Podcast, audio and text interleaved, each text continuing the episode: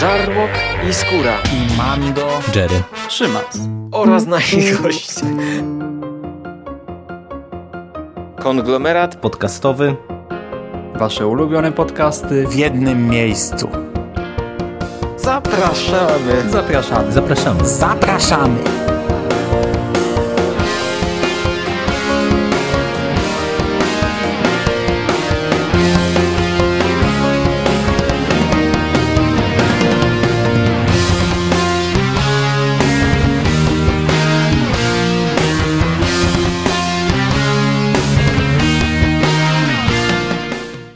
Witam w konglomeracie podcastowym, czyli na platformie, która zbiera wszystkie Wasze ulubione podcasty w jednym miejscu.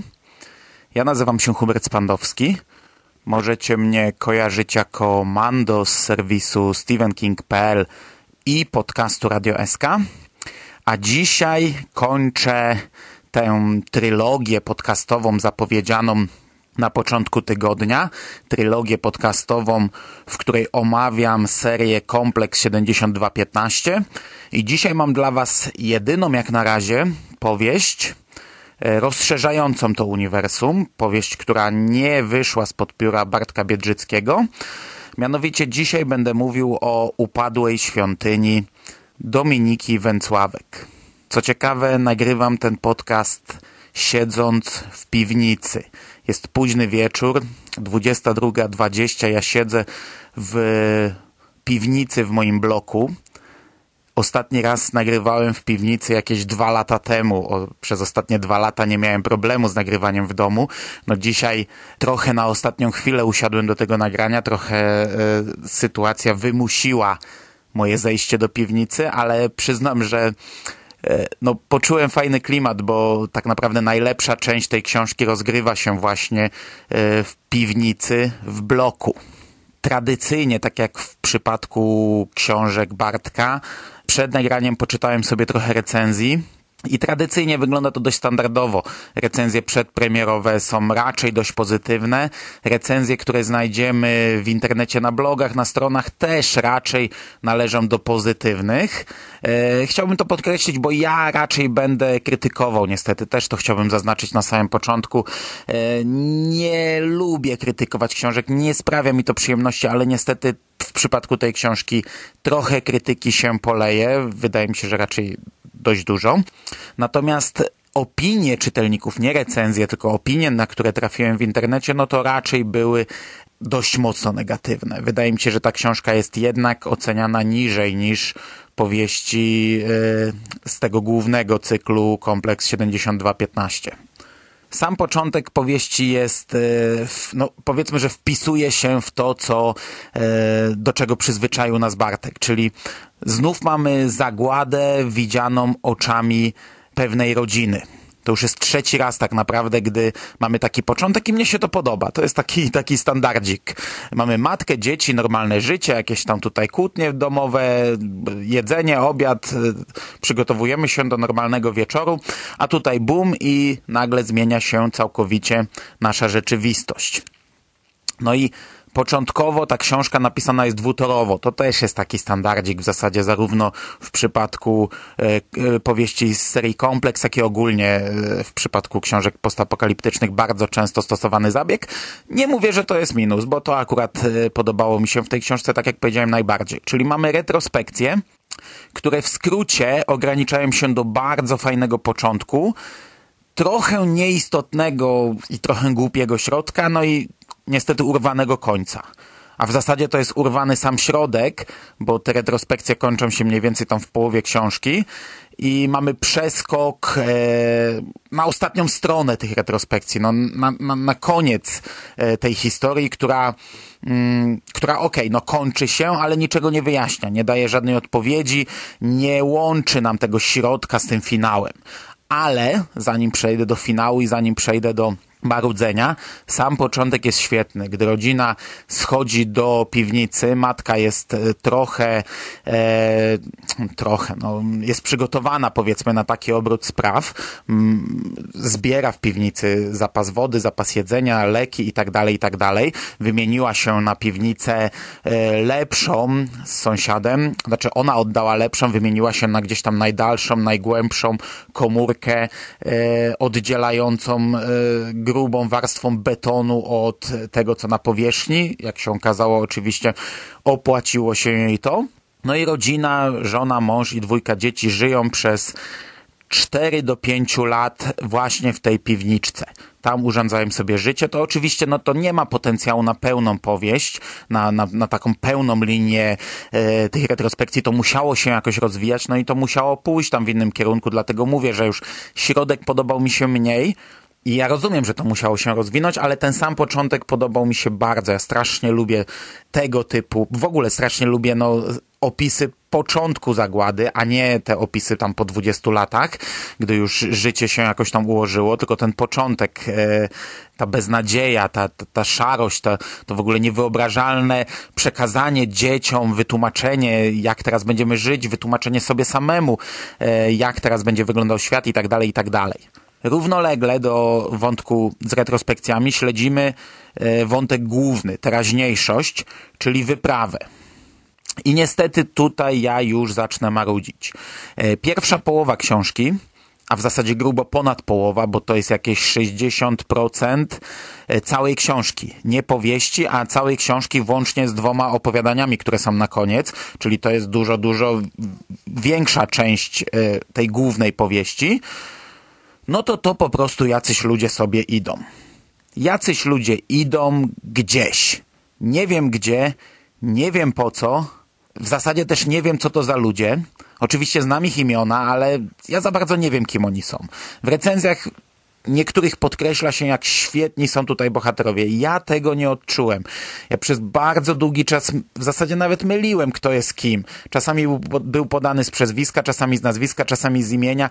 Uważam, że oni nie są przedstawieni tak, żeby czytelnik mógł się z nimi zżyć. Okej, okay, gdzieś tam pod koniec już e, mogę powiedzieć, że ze dwie czy trzy osoby faktycznie dostały jakąś tam historię, ale na początku to jest grupa anonimowych osób, które gdzieś idą, a ja nie wiem gdzie i nie wiem po co. Już na samym początku, gdy poznajemy głównego bohatera, no to przychodzi do niego grupa innych bohaterów i mówią mu, że trzeba gdzieś iść. Ten główny bohater jest z kobietą, przychodzą do niego jacyś ludzie i mają gdzieś iść ta nasza dwójka bohaterów, czyli główny i kobieta, nie chcą iść, ale potem jeden z tych e, panów, którzy do niego przyszli, mówi jedno słowo, no i oni już jednak chcą iść już idą i ja nie wiem, gdzie idą i nie wiem po co i nie wiem dlaczego, a przynajmniej ta wiedza nie wypływa z kart książki. Ci ludzie po drodze spotykają różnych innych ludzi i tutaj e, rozwinę to trochę mocniej, bo tutaj mam dwa zastrzeżenia. Po pierwsze, to jest częściowo pisane, przynajmniej ta pierwsza połowa książki, bo naprawdę tę książkę można podzielić na dwie części. E, ta pierwsza połowa jest trochę pisana na takiej zasadzie, jak to często pisarze stosują że wiecie, zaczyna się nowy rozdział i mamy nagle jakiś szereg postaci, jakieś nowe realia, nie wiemy gdzie jesteśmy i kto to jest. Po czym gdzieś tam po, po kilku stronach nagle na scenę wchodzą nasi główni bohaterowie, no i okazuje się, że to jest takie od dupy strony pokazana wędrówka. Że najpierw mm, autorka wrzuca nas y, na jakąś stację, w jakieś realia, poznajemy jakichś zupełnie nowych bohaterów, poznajemy ich życie, a później tam dołączają ci nasi główni i, i, i coś tam sobie przeżywają. Ja to rozumiem, to jest częsty zabieg, ale mam wrażenie, że tutaj, że tutaj był mm, trochę zbyt częsty i przez to, że sama, sami ci główni bohaterowie, ta główna brygada była na tym etapie dla mnie w zasadzie bandą obcych osób, o, o których wiedziałem tyle, że są i nagle na scenie pojawiła mi się kolejna banda obcych osób, o których czasami w tych kilku akapitach dowiadywałem się więcej informacji niż o głównych bohaterach, no i potem znów pojawiał się taki zabieg i znów, no to mnie się tego nie czytało najlepiej. Dominika naprawdę wystawia na próbę czytelnika. Oczekuje, że czytelnik daje jej duży kredyt zaufania, bo my naprawdę nie znamy motywacji tych bohaterów, nie wiemy gdzie oni idą i po co. A nie ułatwia czytelnikom tej drogi. No a druga rzecz, druga rzecz związana z, z, tą pierwszą połową książki, z tym, że nasi główni bohaterowie poznają wielu innych bohaterów, to jest e, fakt, że pojawiają się tutaj bohaterowie z kompleksu. No i Ech, jak to wypada w zestawieniu z głównymi bohaterami i z tym moim pierwszym punktem, pierwszym zastrzeżeniem? I czy jest to zrozumiałe dla kogoś, kto sięgnął po upadłą świątynię? Od tak.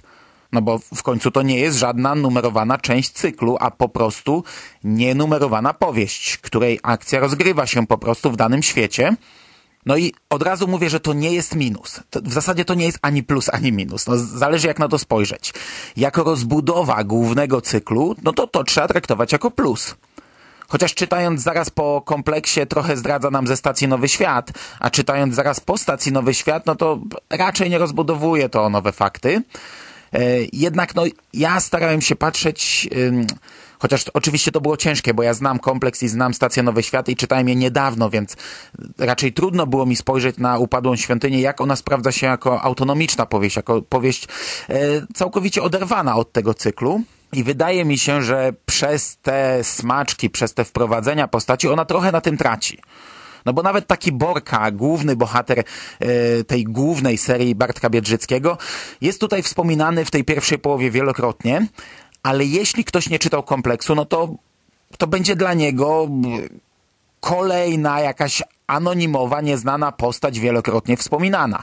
A tutaj mamy i przyjaciół Borki, i dziewczynę Borki, i ciążę dziewczyny Borki, i jej żale na Borkę, że se gdzieś poszedł. No i okej, okay, dla mnie to nie było żadnego problemu, no bo znałem już główny cykl i się w nim doskonale odnajdywałem, ale tak jak mówię, starałem się patrzeć oczami osu, osoby, która cyklu nie zna. No i moim zdaniem to było kolejne utrudnienie dla czytelnika i trochę niepotrzebne takie ograniczenie szeregujące upadłą świątynię od razu jako dodatek, a nie jako autonomiczny twór. I to były problemy, które ja miałem przez pierwszą część książki, przez jej jakieś 60-70%. Potem nagle okazuje się, że ta wyprawa to była tylko droga, ale nie do celu, a do startu wyprawy. I grubo po połowie książki zaczyna się ta wyprawa właściwa. No i nasi bohaterowie znów idą, tylko tym razem już jest to opisane dość liniowo. Bez zwiedzania, bez poznawania ludzi, bez poznawania nowych stacji. E, po prostu idą do celu, którego my nadal nie znamy. Przy czym robi się to niestety jeszcze bardziej nudne, bo oni po prostu przez te kilka rozdziałów idą. Sprawdzają magazynki, męczą się, ranią, giną nawet, zmieniają zdanie, znów zmieniają zdanie zmieniają swoje zachowanie, nastawienie i tak dalej. I po prostu idą, idą i idą. Dodatkowo właśnie, tak jak tutaj już powiedziałem wielokrotnie, mamy zmiany w takie całkowite zmiany w zachowaniu, w opisie bohaterów. I są to zmiany nienaturalne, niczym nie, niespowodowane, niczym niezapowiedziane. Są to zwroty często o 180 stopni. No przykładowo, nagle główna bohaterka zwierza się komuś, że jest szalenie zakochana w jednym z członków drużyny. Kompletnie od czapy, nagle, z dupy mamy jedną rozmowę, do której już potem więcej nie wracamy. I to ta rozmowa jest naprawdę wypacza dla mnie cały obraz całej tej bohaterki, bo to jest na zasadzie takiej, że ona jest zazdrosna, bo ten bohater ma na każdej stacji dziwki. I na każdej stacji obraca je, a na nią nie chce spojrzeć tak jak na nie. No kurde, no czy można bardziej zepsuć postać kobiecą w kilku akapitach? No można, no bo inni bohaterowie też nagle zaczynają się zachowywać od czapy. I jeszcze wracając do, no do tej kobiecej postaci, ja rozumiem, że w życiu też tak często jest, że mamy jakąś przyjaciółkę, a nie wiemy nawet, że ona przez lata jest w nas szalenie zakochana ale w życiu nie mamy y, wszechwiedzącego trzecioosobowego narratora. Jeśli narrator przez 60% książki opisuje mi jakąś postać, a potem nagle zaczyna opisywać ją zupełnie inaczej, to to wypada dziwnie, to wypada nienaturalnie, w moim odczuciu.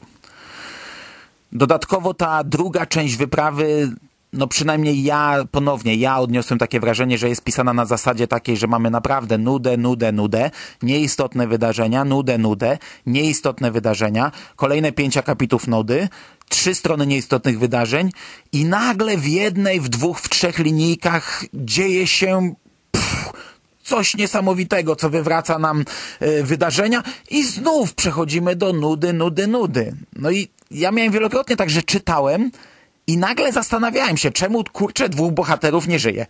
Albo czemu ktoś jest ranny i jest poważnie ranny i jest umierający. I kilka razy cofałem się o te kilka stron i czytałem jeszcze raz, no bo naprawdę byłem przekonany, że przypadkiem kliknąłem dwa razy w przycisk na czytniku i ominąłem jedną stronę. Ale nie, nie ominąłem. No okazywało się, że to naprawdę tak było. No, coś było opisywane bardzo, bardzo długo, a nagle ważna sytuacja działa się w ciągu jednego króciutkiego akapitu i tyle. I tutaj ja rozumiem, że to może faktycznie jakiś tam ciąg przyczynowo-skutkowy i w ogóle e, jakieś tam zamierzenia istniały w głowie autorki, ale to naprawdę nie sprawdziło się w książce. I mam takie wrażenie, że tutaj naprawdę nieraz e, e, Dominika chciała nam coś przekazać, ale to nie wyszło. Ja wielokrotnie nie do końca rozumiałem, e, co autorka ma na myśli i co w danym momencie chce mi przekazać, a to była jednak prosta historia, a kurczę, no, no ja nie jestem głupim człowiekiem, no, przykro mi, zazwyczaj rozumiem takie rzeczy. Okej, okay, no i ta cała wyprawa i jej cel, i to jest największy chyba problem tej książki, no bo y, czytelnik czyta, czyta, czyta i nic się nie dzieje czyta, czyta, no i w pewnym momencie już godzi się z tym i zakłada, no że trudno. Najwyraźniej to będzie napisane na takiej zasadzie, że po prostu ci bohaterowie przez całą książkę będą sobie szli, a cel podróży i całe rozwiązanie poznamy na koniec jako finałowy twist. No ja się z tym pogodziłem, niechętnie, ale jednak. No i po 23 rozdziałach drogi zaczął się ostatni rozdział. No i niestety dupa, nędza, słabizna. Ten finał miał potencjał. Jak zresztą cała ta książka, ale jak dla mnie zarówno finał, jak i właśnie cała ta książka, no zostały źle poprowadzone i, i, i, położone, no. Po 23 rozdziałach w większości o niczym, nagle dostajemy ostatni krótki rozdziałik, w którym mamy y, trzęsienie ziemi, kolejny, najbardziej nienaturalny zwrot y, zachowania jednego z bohaterów, wejście na scenę głównej tajemnicy, po czym czask, praski, koniec wszystkiego, no. I to by było naprawdę fajne, gdyby ten finał nieco bardziej rozpisać, kosztem któregoś z wcześniejszych, nieistotnych rozdziałów, gdyby to lepiej podprowadzić, dać choć jakieś tropy, że ten czy inny bohater może się zachować w taki sposób, e, a do tego tak na dobrą sprawę, tak na dobrą sprawę my nie dowiadujemy się niczego. Retrospekcje teoretycznie łączą się z wątkiem teraźniejszym, one gdzieś tam łączą się już w połowie, już wtedy mamy jakiś tam trop rzucony, do czego to będzie zmierzać, bo wtedy właśnie dowiadujemy się znaczenia tego słowa, które nasz główny bohater usłyszał na samym początku. Ale tak na dobrą sprawę, kończąc książkę, nie dowiadujemy się niczego. Retrospekcje teoretycznie łączą się yy, z wątkiem teraźniejszym, ale nic się niczego się nie dowiadujemy. Nie ma żadnej odpowiedzi. Historia po prostu się urywa. Tyle. I ogólnie jestem naprawdę zły, no bo na samym początku mi się tę książkę naprawdę bardzo dobrze i bardzo szybko czytało. Przez jakieś 25% książki. E, pomimo, że już wtedy miałem pewne zastrzeżenia właśnie do głównego wątku, to to czytało się sprawnie i szybko. Szkoda, że to wszystko tak się rozwodniło i tak oklapło. Wydaje mi się, że naprawdę z tej historii można by wyciąć większą część e, wątku teraźniejszego, trochę bardziej rozbudować finał, połączyć to dużo szybciej z retrospekcją, wyciąć połowę tej drogi głównych bohaterów i powstałoby z tego, nie wiem, stustronnicowa e, mini powieść, która mogła być świetna. A tak niestety ja naprawdę męczyłem się zamykając tę książkę, męczyłem się kończąc tę książkę. No i z przykrością muszę powiedzieć, że to ta książka mnie się po prostu ostatecznie niestety nie podobała. Na koniec mam jeszcze jedną drobną szpilę. Najpierw taka, powiecie pierdoła. Dla większości z was może to będzie pierdoła, ale dla mnie to nie była pierdoła. Gwara. E, to jest coś e, często stosowane u polskich pisarzy. To jest coś popularne u polskich pisarzy. By ktoś tam zajeżdżał jakąś gwarą, albo by ktoś tam gadał jakoś wieśniacko, no bo przecież to jest śmiesznie i, i to wiecie, to, to, to jest zabawne, jak takie coś się wciśnie, nie? No to ci jest zabawne, nie? No jak nie, jak i oni. Ale kurde nie. umiar. Umiar, tu trzeba mieć umiar, to po pierwsze, a po drugie trzeba brać pod uwagę, że to nie jest literatura faktu. Tutaj nie trzeba odtwarzać gwary yy, z dokładnością w skali 1 do 1. Ja rozumiem, że mm, autorka pochodzi z tych, a nie innych stron i że ma okazję tutaj gdzieś yy, wcisnąć swoje tam yy, lokalne korzenie, że ma okazję napisać to w taki sposób, ale ja stamtąd nie pochodzę. I to się dla mnie czyta koszmarnie. Na szczęście tego jest niewiele, od razu to powiem, że tego jest niewiele, ale gdzieś tam w połowie, w momencie, gdy nasz główny bohater e, rozmawia ze, ze Ślązakami o Arce i w tym momencie dowiadujemy się ważnych wydarzeń. Pierwszy raz w tej książce dowiadujemy się ważnych wydarzeń, a oni przez kilka stron gadają swoją gwarą. I ja przyznam, że to była droga przez mękę. Ja to czytałem, ja rozumiałem pojedyncze słowa. Jak się bardzo mocno nad tym skupiłem, to rozumiałem też sens całych zdań, ale tu były całe wielkie akapity na całe strony i ja się czułem jak taki biedny uczeń w podstawówce, którego nauczyciel wywołał, żeby przeczytał zadanie tekstowe z matematyki i on czytał jej, czyta i duka i spina się i wysila i wyrzuca z siebie wyraz po wyrazie, a potem ten matematyk pyta tego biednego ucznia, dla którego sukcesem życiowym było to, że on to, to zadanie odczytał, ten matematyk pyta go, no i co zrozumiałeś z treści tego zadania? No nic człowieku nie zrozumiałem i ja tak się czułem czytając ten, ten kilkustronnicowy fragment, gdzie Ślązak opowiadał mi o głównym celu podróży. Ja cholera tego nie rozumiałem! I nie miałem sił, by czytać to od nowa. Niestety ten Ślązak dołącza potem do drużyny, ale na szczęście potem on już mówi niewiele i w większości mówi zrozumiale. Ale ten długi monolog potrafi człowieka wykończyć. Czegoś takiego się nie robi. Bo ja rozumiem, że to jest fajne z punktu widzenia autorki, ale nie z punktu widzenia czytelnika, który tego języka nie rozumie. I, I, ja rozumiem, że jeśli słucha mnie teraz Dominika, to ona się puka w łeb i mówi, co za debil. Nie? No jak tego można nie rozumieć? Do głupek, nie? Głupek tutaj mówi. Ale naprawdę, naprawdę to jest, to jest ciężkie. To było ciężkie w, w, w zrozumieniu. I nie, kurczę, za długo mówię o tym. To miała być drobna, mała szpila. E, ostatnia szpileczka, którą teraz wbiję, to był styl.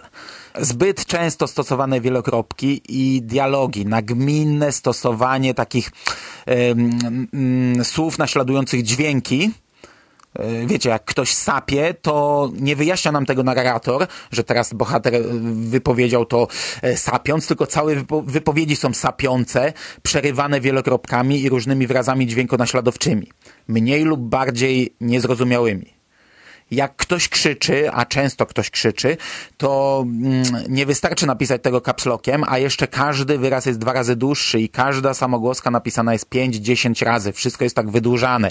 I to nie tylko przy krzyku. Jak ktoś mówi i tam, nie wiem, tutaj sobie przeciąga jakiś wyraz, to też to wszystko jest przedłużane. Naprawdę, tak jakby, jakby autorka uważała, że czytelnik nie zrozumie, w jaki sposób teraz ten dany bohater się wypowiada. Y, no. Jak bohater jest pobity, to mówi na zasadzie, i tutaj nawet mam cytat, Kofstem luzi. I to jest dokładny cytat z książki, sobie przepisałem, e, którego ja nie rozumiem. Nie wiem, co ten bohater w tym momencie powiedział, e, ale całe dialogi są takie pod koniec, ostatni cały rozdział, to główny bohater wszystkie zdania, jakie wypowiada, to wypowiada w taki sposób. Niektóre są nieco bardziej zrozumiałe, niektórych można domyślić się z kontekstu, z odpowiedzi e, bohatera, z którym on w danym momencie rozmawia, ale ogólnie, no, ogólnie to jest minus. Kolejny minus. Inna sprawa, że tutaj ja to wytykam, no bo czytałem tę książkę e, w tradycyjny sposób, to znaczy w e-booku, no ale wiecie, w tym roku większość książek przesłuchałem w audio i na przykład recenzując książki Bartka Biedrzyckiego recenzowałem audiobooki. Ja nie mam pojęcia, może Bartek też w taki sposób to pisał, a nie wytknąłem tego. No oczywiście to są pierdoły, no ale tutaj na te pierdoły zwróciłem uwagę. Na sam koniec, podobnie jak w dwóch książkach z głównego nurtu, mamy dwa opowiadania. Pierwsze opowiadanie, Potwory, E, nie wiemy, kiedy rozgrywa się jego akcja, nie zostało to napisane, ale no na pewno trochę wcześniej, ponieważ poznajemy tutaj genezę jednego z bohaterów. Jest to krótka historia jednego bohatera I tak naprawdę tyle mogę o tym powiedzieć, bo o tym, kim jest ten bohater, i to, to tak naprawdę dowiadujemy się z ostatniego zdania tego opowiadania. E, tak czy inaczej, tutaj chciałbym wyraźnie podkreślić, jeszcze raz podkreślam, podkreślam, że to jest e, całkiem fajne opowiadanie. No bo wiecie, od 20 minut krytykuję danie główne, a tutaj o tym opowiadaniu tak naprawdę nie mogę zbyt wiele powiedzieć, ale chciałbym wyraźnie zaznaczyć, że to jest dobre opowiadanie. Natomiast drugi tekst, e, Samotnicy, też nie mamy podanej dokładnej daty, e, kiedy rozgrywa się akcja tego opowiadania, chociaż e, gdy skończymy je czytać, to wiemy do jakich wydarzeń ono nawiązuje, bo te wydarzenia były wspomniane w treści tej części właściwej powieści Upadłej Świątyni. I to jest niezłe opowiadanie. To znaczy, ja bym radził, jeżeli was powieść wymęczyła tak jak mnie, to radziłbym sobie zrobić przerwę i nie czytać od razu tego opowiadania. Bo tutaj mamy kolejną misję, kolejne przygotowanie do misji. To opowiadanie jest dłuższe niż poprzednie i to tak prawie dwa razy dłuższe. I mamy kolejne, wiecie, przygotowanie, wyprawę, misję, walkę, strzelanie, walkę z mutantami. Yy, I tak naprawdę w moim odczuciu fajne się zaczyna to, gdy to się kończy gdy bohaterowie się rozchodzą, gdy dzieją się inne rzeczy. Ponownie nie mogę za dużo o tym opowiedzieć, bo, bo, bo to są ogólnie wszystkie te opowiadania, zarówno u, u Dominiki, jak i u Bartka, no to to są takie dość proste historie, yy, o których nie da się zbyt dużo powiedzieć, bo, bo tak naprawdę powiedziałoby się wszystko. Ogólnie ten tekst yy, zaliczam jak najbardziej na plus. I na sam koniec jeszcze jedna rzecz, ale to już nie będzie mm, skierowane pod kątem książki, autorki, treści, tylko wydawnictwa. I tak jak w, w poprzednim podcaście, w którym mówiłem o stacji Nowy Świat, na sam koniec żaliłem się nad okładką, tak tutaj również muszę to poruszyć. Ta okładka ogólnie jest ładna, jest fajna, podoba mi się, ale cholera, mm, ona do tej książki ma się jak pięć do nosa. To jest okładka zrobiona według standardów fabryki. Kiedyś pamiętam, ktoś o tym mówił, że tak jak normalne wydawnictwo dałoby na okładkę anioła, tak fabryka da anioła z mieczem i z karabinem, żeby było fajniej, bardziej napakowanie. I, i tak to tutaj mniej więcej wygląda. Ja rozumiem, że tutaj mamy do czynienia z debiutującą pisarką, a, a debiutujący pisarz no, ma raczej niewiele do powiedzenia w temacie okładki raczej cieszy się z tego, że miał możliwość opublikować książkę, a, nie tutaj jeszcze e, walczyć o okładkę. Sam Bartek e, w przypadku m, mm, cyklu Kompleks 7215 tak naprawdę walczył o okładkę chyba dopiero przy trzecim tomie a okładka drugiego tomu Stacji Nowy Świat, to można równie dobrze teraz wszystko to, co mówię o tej okładce, powiedzieć o tamtej, a nawet, nawet bardziej, bo tam to jest jeszcze bardziej niż tutaj. Tutaj mamy jakiegoś stalkera, no tylko, że to jest stalker na sterydach. Stalker, wiecie, w, y, nie tylko z karabinem, on musi być owinięty jakimś łańcuchem, musi mieć jakieś kolce wystające z ramion, jakieś tony żelastwa, jakieś druty kolczaste czy inne cholerstwo, owieszony do, do, do, dozymetrami, jakiś wielki karabin musi trzymać, musi mieć pomalowaną gębę, to musi być taki przekoks nad przekoksy. No i właśnie, no i właśnie coś takiego jest. I to wygląda fajnie, to jest ładna okładka, ale kurde, no to tak się gryzie z tym, o czym czytamy w książce niepotrzebnie. Y, wydaje mi się, że do innych książek z fabrycznej zony mamy dużo bardziej stonowane okładki. Chociaż no, na plus to, że jest to jakaś tam spójna seria, jest to seria stworzona, nie tak jak na przykład w przypadku pierwszych okładek do Stalkera, gdzie mieliśmy po prostu stokowe okładki, stokowe zdjęcia, które były używane y, dziesiątki razy na innych okładkach. Okej. Okay kończę. Kurde, myślałem, że będę mówił 10 minut, a gadałem 30. Przykro mi, że yy, tak się rozgadałem, narzekając i aż tyle krytykując. Nie znam planów na, na dalszą rozbudowę tej serii. Nie wiem, czy Dominika będzie coś jeszcze pisać. Nie śledziłem newsów, nie mam pojęcia. Wiem, że jakąś książkę napisaną ma, ale nie wiem, czy to jest dalej książka z tego cyklu, czy to jest coś innego. E, myślę, że pewnie będę śledził zarówno, znaczy książki Bartka na pewno, no trzeci tom przeczytam, chociaż na chwilę obecną chyba potrzebuję e, jakiejś odskoczni i odrobiny przerwy. Jeśli Dominika lub jakiś inny autor czy autorka będą pisać e, książki osadzone w tym uniwersum, jeśli to będzie dalej rozwijane w taki sposób, to pewnie sięgnę, ale, no, ale tak jak powiedziałem, wymęczyłem się tą książką. Uważam, że ona miała potencjał, mogła być napisana trochę inaczej, można tam było to trochę inaczej poukładać, a a to, co dostaliśmy, no mnie się nie, nie do końca podobało. Ja pamiętam, jak e, Bartek Biedrzycki chyba w Kapoku e, dawno, dawno temu opowiadał o tej książce, gdy jeszcze nawet nie było w planach, czy ona ujrzy światło dzienne, czy zostanie wydana. Ja całkiem niedawno przesłuchałem sobie jeszcze raz ten podcast. E, Bartek zachwycał się wtedy tą książką. Ja, ja go doskonale rozumiem, no bo e, ktoś napisał powieść rozgrywającą się w świecie stworzonym przez niego i gdyby mnie coś takiego spotkało, no to też bym się tą książką zachwycał i też bym nie zauważał wielu rzeczy, które, które zwykły czytelnik zauważy. No. Przy czym jednocześnie na koniec jeszcze raz podkreślam, że ja nie jestem tutaj wyrocznią, nie jestem, yy, moje zdanie nie jest święte. Patrząc na recenzje w internecie, to jestem raczej chyba w mniejszości. Tak czy inaczej, yy, ja książki niestety nie polecam. I to by było na dzisiaj wszystko. Trzymajcie się ciepło, kochani. Do usłyszenia w przyszłości. Cześć!